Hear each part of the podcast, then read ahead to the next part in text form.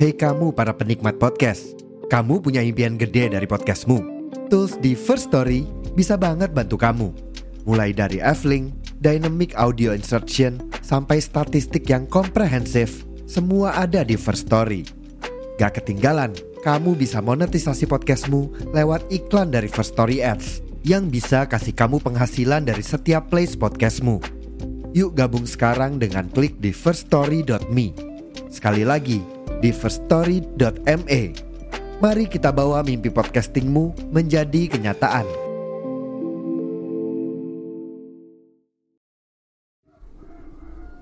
Teman-teman semua, tentu di antara dari kita-kita ini ada yang pernah membeli barang bekas, berkualitas, dan harganya yang murah.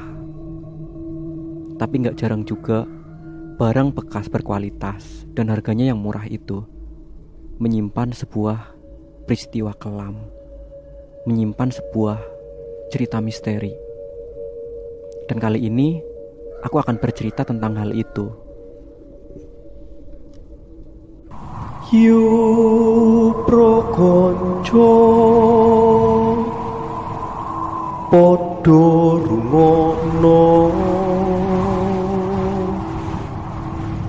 Aku duwe carita Mrono mrene Ono mati.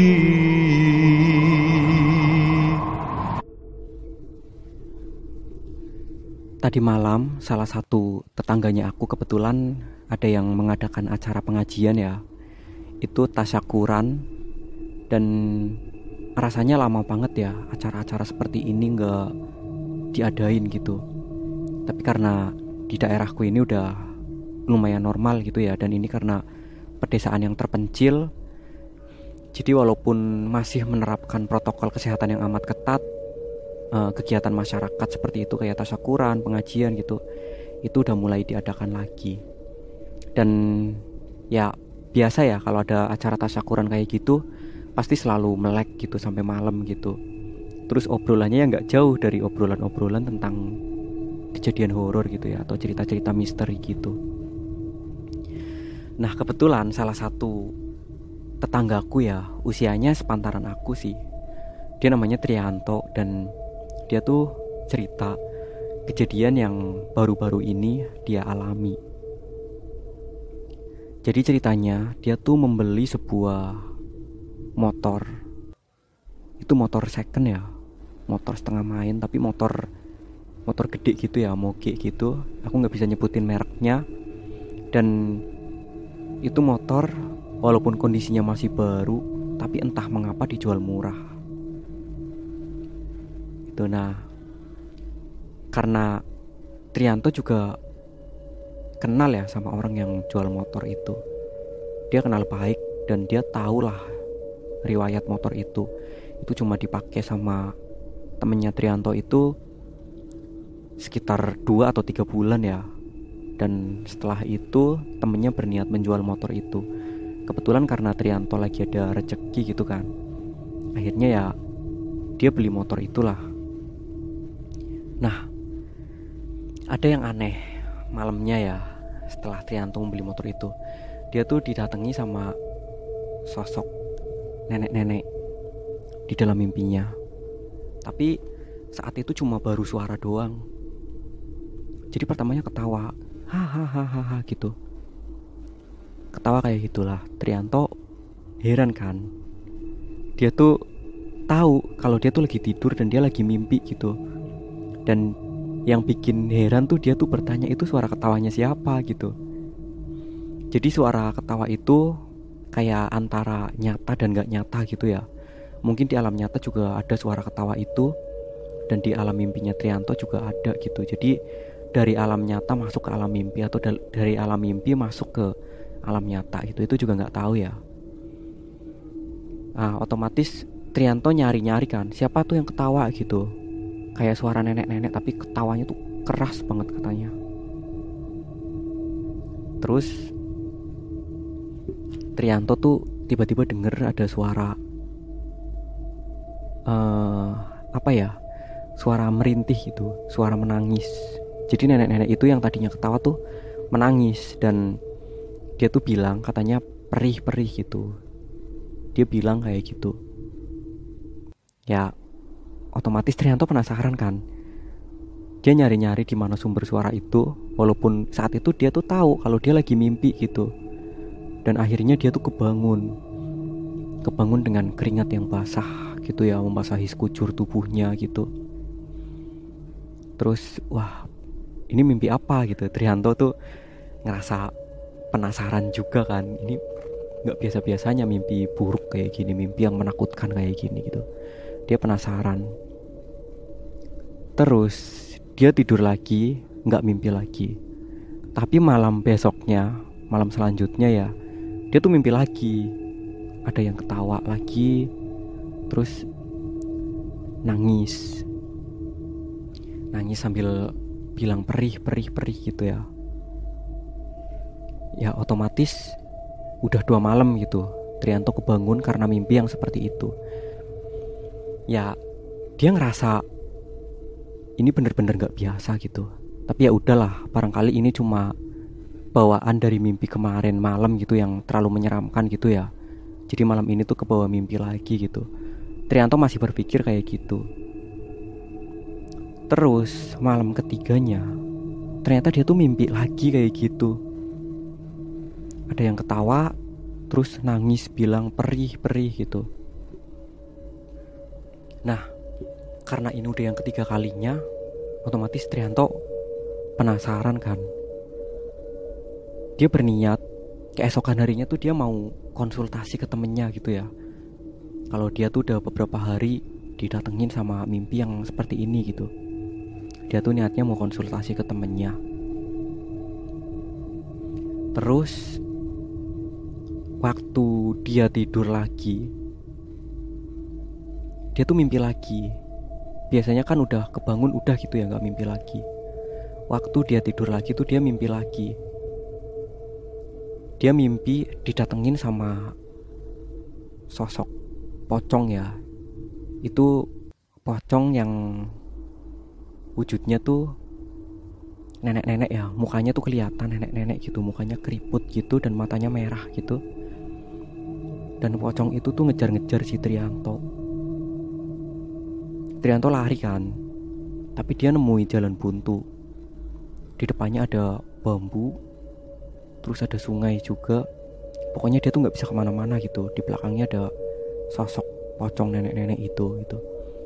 Dan ternyata Trianto tuh kena ya ketangkap sama sosok pocong itu dan di bagian tangannya itu tergigit. Jadi di bagian sininya nih. Nih. Sininya ini kepalan tangannya ya belakang kepalan tangannya itu. Punggung tangan punggung buku-buku jari itu kegigit. Perihnya katanya sampai menusuk tulang banget ya bener-bener perih banget katanya. Dan Trianto tuh sampai teriak-teriak gitu tapi nggak ada yang denger sih waktu itu karena dia tuh mimpi masih malam ya sekitar jam 3an gitu. Terus Trianto tuh kebangun. Waktu dia kebangun ternyata tangannya berdarah dong dan ada bekas gigitan. Kayak gigitan apa ya kayak gigitan binatang yang bertaring gitu. Sebenarnya nggak sobek terlalu dalam sih tapi itu rasanya perih banget ya katanya. Dan akhirnya ini bener-bener nggak wajar gitu kan. Dia berpikir kayak gitu. Ini bener-bener nggak wajar nih. Masa iya di alam mimpi sampai ke bawah ke alam nyata gitu kan?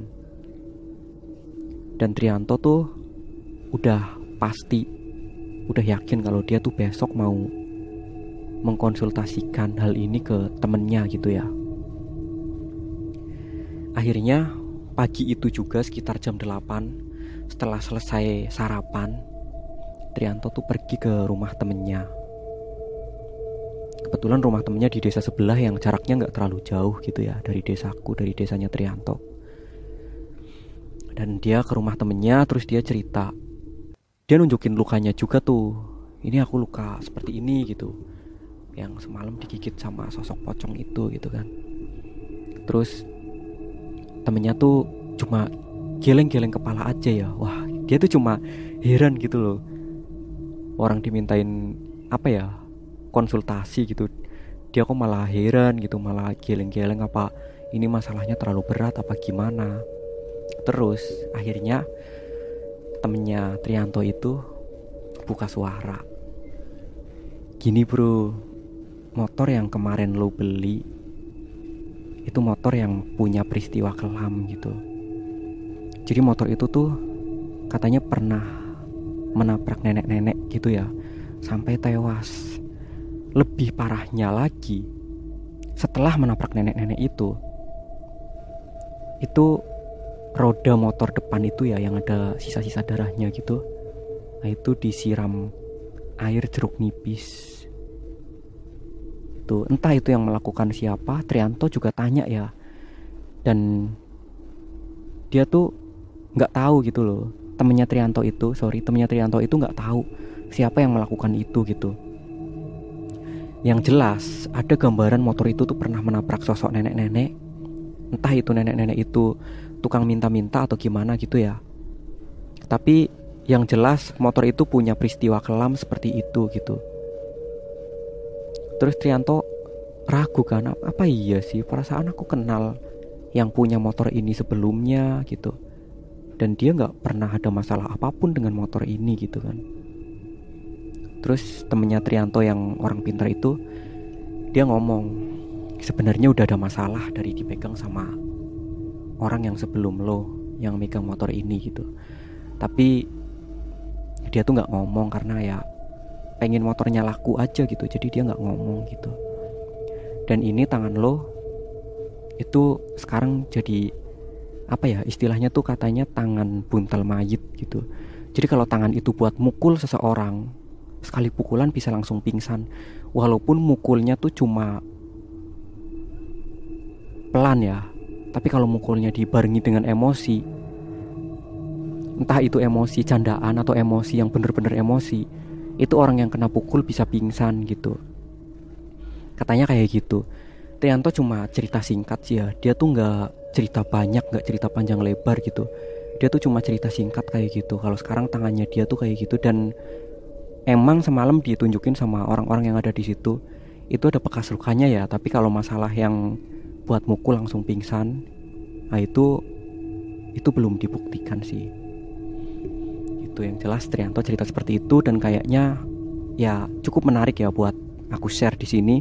Walaupun ini ceritanya kayaknya udah terlalu umum banget dan apa ya nggak terlalu menyeramkan gitu ya. Tapi setidaknya ya kalau ada cerita horor pasti aku share buat teman-teman semua yang selalu setia dengerin podcast kisah lembut. Gitu. Dan kayaknya ini dulu ya yang bisa aku bagikan buat teman-teman semua Semoga teman-teman bisa terhibur mendengarkan cerita yang aku share dan aku mohon maaf kalau masih banyak kekurangan di video ini. Oke, teman-teman semua, sekian dulu dari aku. Kita berjumpa lagi di episode yang selanjutnya. Wassalamualaikum warahmatullahi wabarakatuh dan see you.